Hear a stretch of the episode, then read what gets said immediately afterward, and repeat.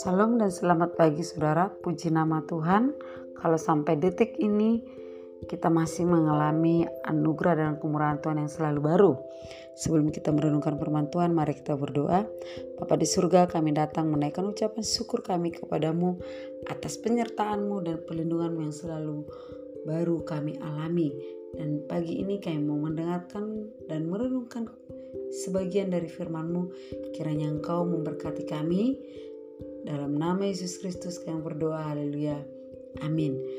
Bapak Ibu, hari ini renungan kita dari dua Tawarik pasal yang ke-6.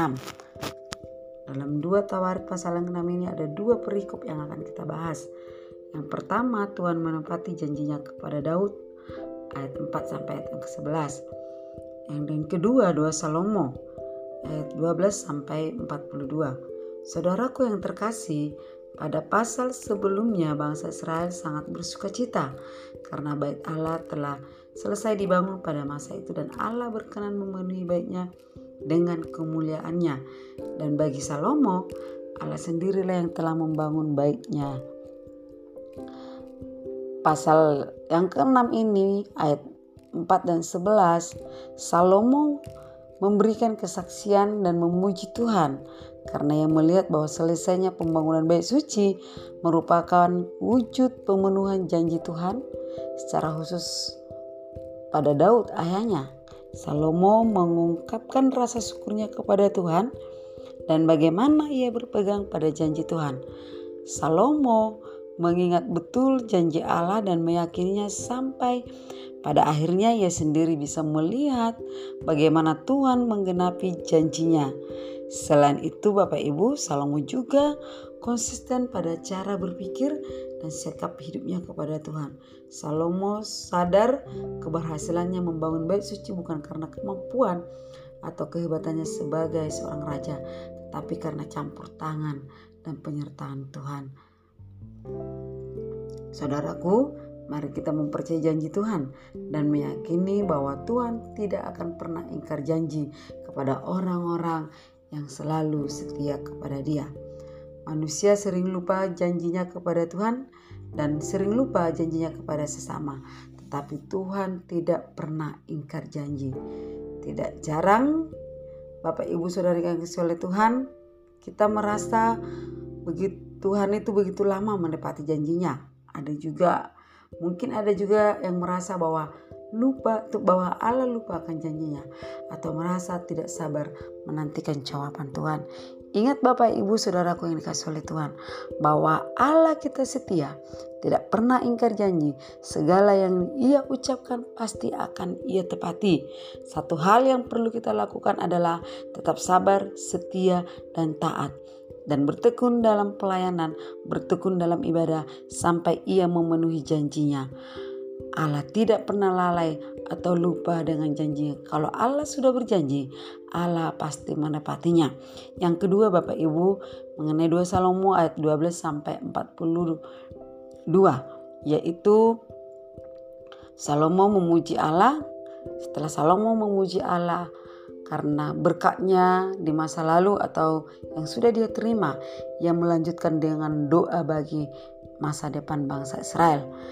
Doa yang pertama, pendahuluan doa yang dimulai menggambarkan situasi yang sebenarnya, yaitu ia berdiri di atas mimbar tembaga yang kira-kira lebarnya panjang dan lebarnya 2,3 meter dan tingginya 1,3 meter.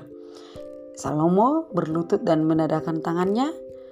Ya, semua ia lakukan di depan seluruh jemaat di tengah halaman luar bait Allah. Kemungkinan bagian halaman untuk kaum awam.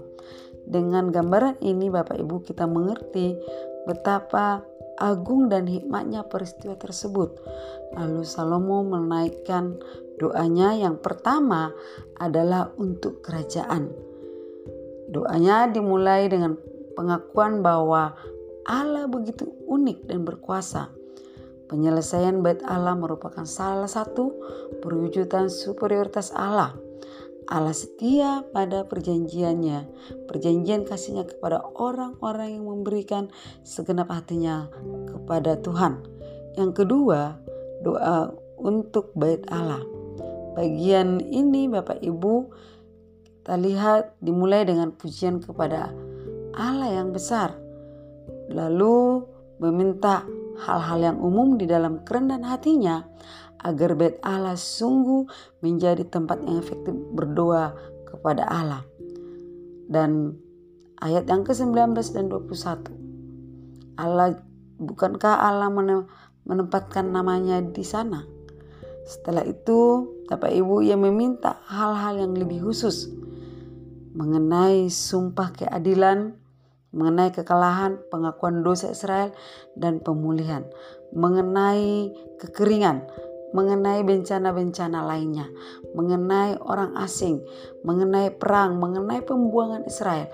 Dari permohonan-permohonan ini Bapak Ibu, pertobatan dan ketaatan Israel menjadi kunci pemulihan dari Allah yang hadir di dalam baitnya. Dan yang ketiga, doa untuk bait Allah dan kerajaan. Dan bagian ini ada dalam pas ayat yang ke-40 sampai 42. Bagian ini merupakan penutup yang menekankan perjanjian Allah dengan Daud agar kehadiran dan kesetiaannya Tuhan menjadi dasar kehidupan mereka. Bapak Ibu Saudara yang kasih oleh Tuhan, mari kita mari kita berdoa berdoa syafaat seperti Salomo, mendoakan orang-orang di sekitar kita, mendoakan keluarga kita, lingkungan kita, tempat kita pelayanan, tempat kita bekerja, berdoa bagi bangsa-bangsa. Ketika kita berdoa, maka pertobatan dan pemulihan perekonomian dalam keluarga dan bangsa kita, dalam kehidupan kita secara pribadi akan terjadi. Akan Tuhan buka, akan Tuhan akan Tuhan pulihkan dan Tuhan akan memberkati hidup kita, keluarga dan bangsa kita.